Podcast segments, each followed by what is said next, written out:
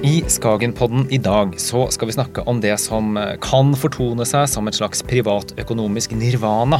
Nemlig i lang tid så har rentene vært rekordlave, og sånn ser det ut til å bli i overskuelig framtid.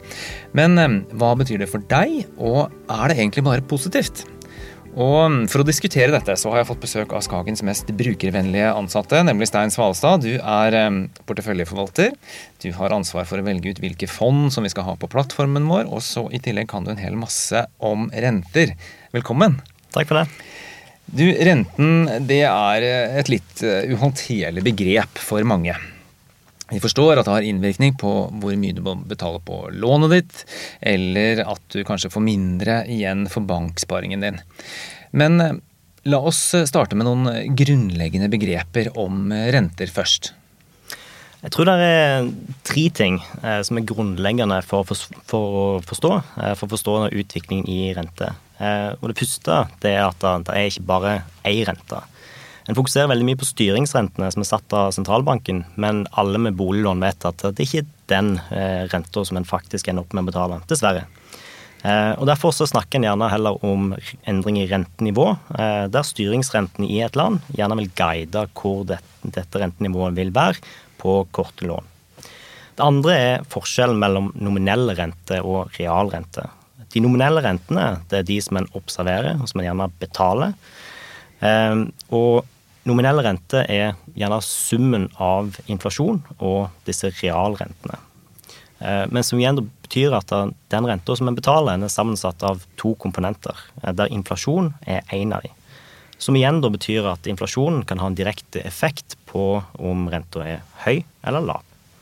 Og det tredje det er at eh, rente kan ses på som prisen som en setter på penger i dag, relativt til i framtida. Og Teknisk sett så blir da renta prisen som gjør at tilbud av penger, altså penger som kommer fra sparere, møter etterspørselen av penger, altså de som ønsker å låne. Og Jeg sa jeg skulle si tre ting, men ta en fjerde. For i tillegg til dette her, eh, så gikk jeg på skolen eh, og skulle lære økonomi, og der sto det i mine lærebøker at negative rente, det eh, kan aldri oppstå så lenge det finnes kontanter i omløp. Eh, men det har nå lært at det er faktisk mulig.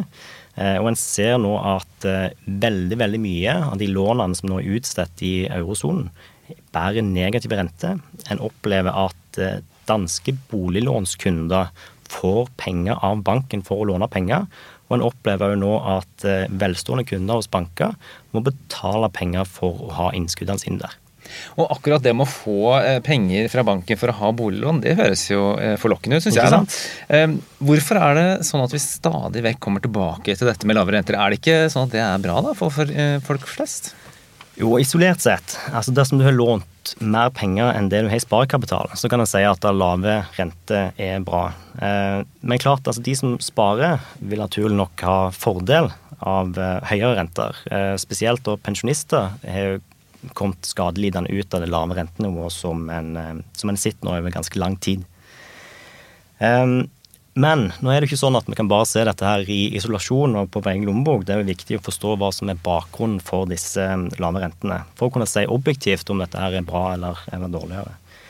Uh, og For å forstå dette her, så må en gå ganske langt uh, tilbake. For vi har hatt Eh, lave renter over ganske lang tid. Det begynte, for, eh, begynte, ordentlig rundt finanskrisen.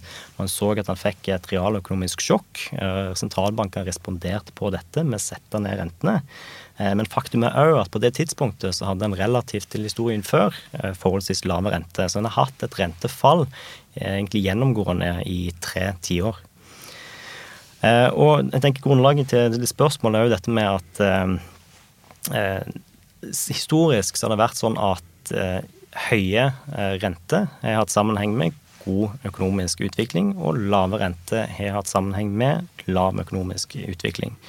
Eh, og dette har jo sammenheng med at en, en, økonomi som vokser bra, kan tåle høyere rente, og det er jo behov for høyere rente for å unngå at økonomien blir såkalt overoppheta, som igjen da kan medføre høy inflasjon, som er uønska. Ehm, så Sånn sett eh, så kan en tenke at eh, ja, de lave rentene som man har nå, eh, det må da bety at det går veldig dårlig. Ja, Det høres ut som dårlige nyheter. Går det så dårlig, da? Altså På absolutt nivå så er jo svaret klokkeklart nei. Vi ser nå lav arbeidsledighet i de aller fleste land og sett mot sitt eget historiske snitt. En ser økonomisk vekst. Selskaper tjener penger. Så det går egentlig ganske bra, men det er et veldig stort men her. For det går ikke like bra som det gjorde for et års tid siden. Eh, blant annet eh, så har denne evinnelige handelskrigen mellom USA og Kina nå begynt virkelig å gi utslag i den økonomiske veksten til ulike land. Eh, makrotall i industriland de er falt videre. Vekstprognoser de reduseres stadig, og bedrifter mellom vanskeligere forhold. Men på tross av alt dette her, så er konsumentene tross alt forholdsvis positive enn så lenge. Det har da medført at de eh, internasjonale markedsrentene har falt til et nivå som var lavere enn det det var med inngangen av året. Og For mange så kan kanskje dette virke litt, eh, litt rart, fordi en opplever det at eh, gjerne boliglånsrenta si har økt det siste året. Og Det er jo sammenheng med at Norges Bank i fjor, etter en veldig veldig lang tid med enda lavere rentene, har begynt å sette opp rentene.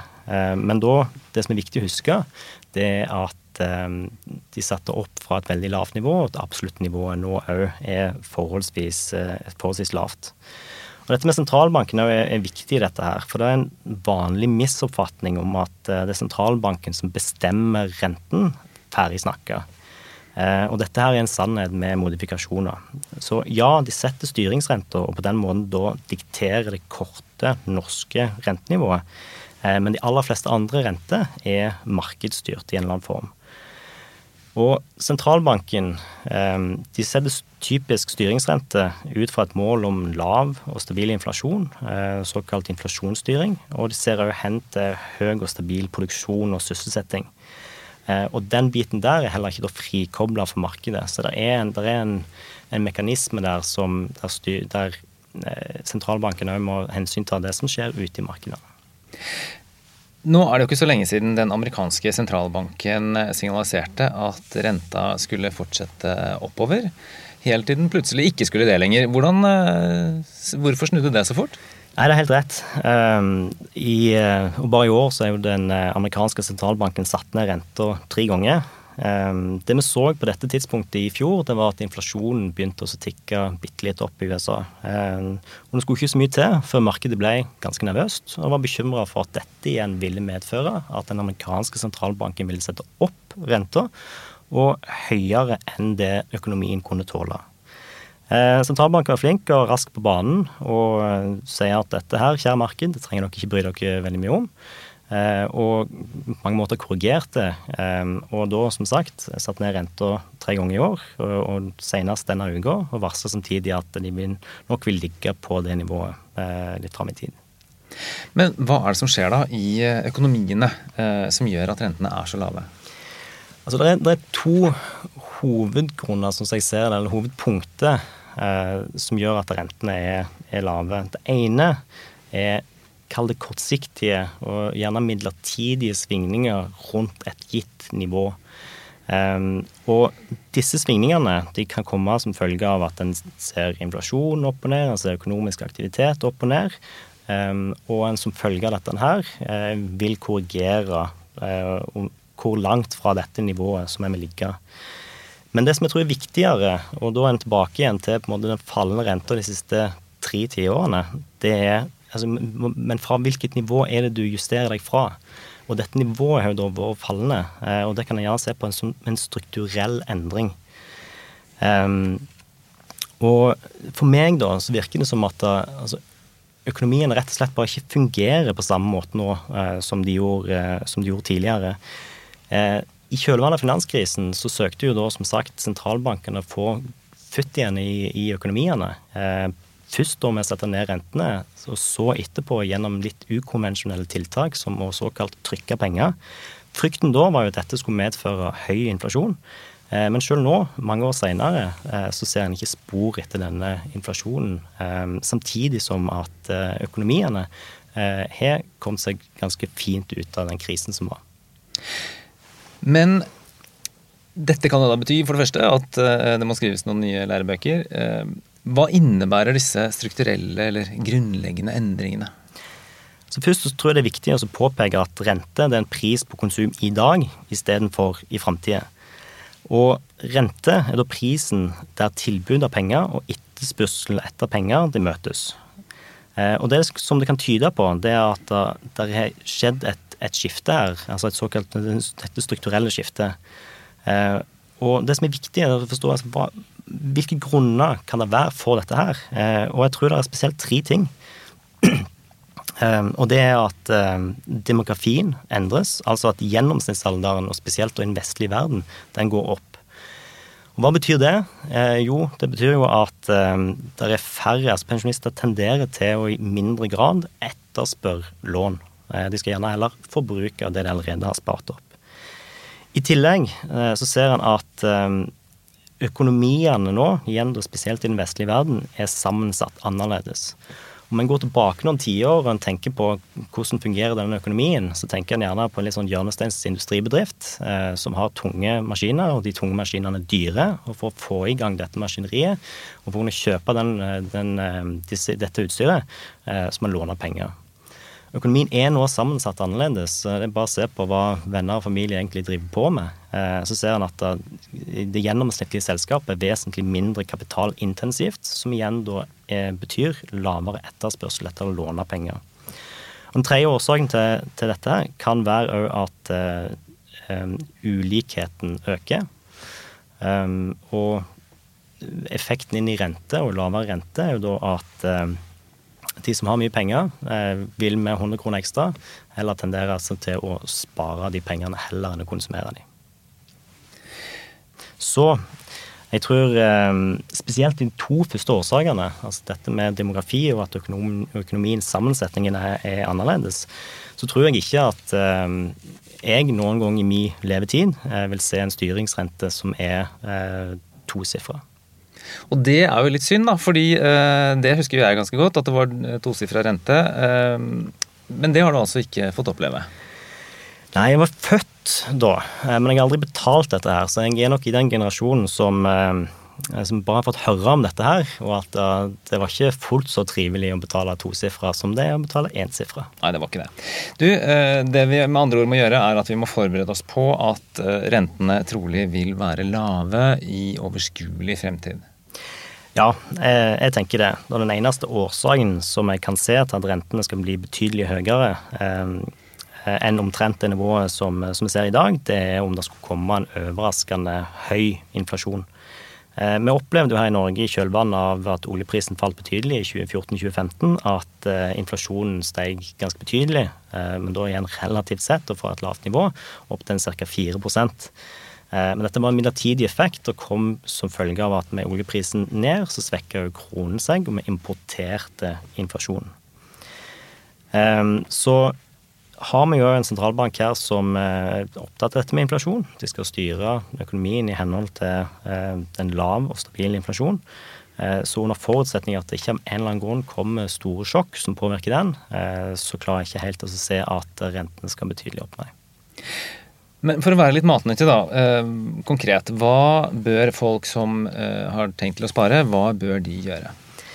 Altså Noe av utfordringen med den situasjonen som, eh, som vi har og for så vidt altså har hatt eh, med disse lave rentene, det er at eh, det priser opp andre investeringsobjekter. Altså, altså når vi har eh, en får lite igjen ved å sette penger i banken, eh, så søker en gjerne andre kilder til avkastning, f.eks. bolig eller aksjer. Og vi sitter jo nå her i Oslo. Eh, de fleste som har eid bolig i Oslo over litt tid nå, har jo hatt det kjempegøy med det, og opplevd da at disse, deres investeringsobjekt er blitt prisa opp. Eh, men noe av utfordringen med dette er at altså når prisen på noe går opp, så går typisk òg fremtidig avkastningspotensial ned som er så enkelt som at kjøper du noe billig, sannsynligheten for høy avkastning er høyere enn om du kjøper noe dyrt. Um, og jeg tror um, de aller fleste kan være enige om at akkurat nå uh, så er det veldig få investeringsobjekter som kan objektivt uh, bli sett på som, uh, som, billig. Og Noe av årsaken til dette her er jo at vi har hatt en, en jakt, en jakt mot høyere avkastning. og den tror jeg vi skal være ganske varsom med. Eh, for det kan gjerne medføre at en tar høyere risiko enn det som en, det som en bør. Eh, så det med å styre portefølje mot et eh, bestemt risikonivå er fortsatt like gyldig nå som det var tidligere. Det å sette sammen en god, robust portefølje basert på ulike aktivaklasser i henhold til dette risikonivået, er fortsatt, fortsatt like viktig. Men jeg tror vi rett og slett bare må finne oss i at den avkastningen som en vil få på denne porteføljen, vil være noe lavere enn det som en har vært så bortskjemt å oppleve gjennom i hvert fall det siste tiåret. Men hva skal man gjøre da? Det er jo sånn at Vi forventer at folk skal leve lenger, og at de derfor må spare mer til pensjonsalderen. Kan jo bli litt eh, vanskelig det, da, hvis eh, det er sånn at avkastningen blir lavere framover? Ja, en må spare tidlig, spare mer. Um, en må um, være rett og slett tålmodig. Og jeg tror det som er viktig her, er at uh, vi snakker om investeringer, vi snakker om sparinger. Det som en søker, det er å øke sin uh, kjøpekraft. Uh, en ønsker å kunne legge et beløp på bordet i dag eh, for gjennom investeringen kunne kjøpe mer ting eh, for de pengene. Eh, og det tror jeg fortsatt vi kommer til å gjøre, nettopp pga. at inflasjonen kommer til å være på et lavt, lavt nivå. Men klart, det å spare lenge, spare litt hele tida, er, viktig. Og ikke minst dette her med å være altså, Vær tålmodig og, og, få den rentes renteeffekten gjennom at du da får avkastning på avkastningen igjen, eh, som gjør at dette kan bli til et veldig hyggelig beløp eh, likevel fram i tid. Det høres ut som et godt råd. Vi prøver å knytte dette litt sammen. Eh, du forventer altså at de lave rentene vi har sett over en god del år, det vil fortsette i lang tid framover? Ja, og da hovedsakelig da pga. dette jeg nevnte med det er strukturell endring i økonomien. Det er en endring i demografi. Det er, mer, det er en eldrebølge, som er populært kalt. Eh, og ikke minst at økonomien er mer sammensatt av andre næringer, mindre kapitalintensive næringer. Og eh, for folk som har lyst til å spare, hva betyr det? Spar mye, spar lenge. Eh, spar i henhold til den risikoplanen en gjerne har. Spar i aksjefond. Det er der en vil se at det er betydelig mer avkastningspotensial enn innenfor for rente. Men ha edruelige forventninger til det òg, med tanke på at prisingen innenfor aksjer nå er høyere enn det har vært på en stund. Og start tidlig, så får du da denne rentes renteeffekten til å hjelpe deg. Du, eh, tusen takk Stein for en nyttig gjennomgang, og mm, tusen takk for at du hørte på.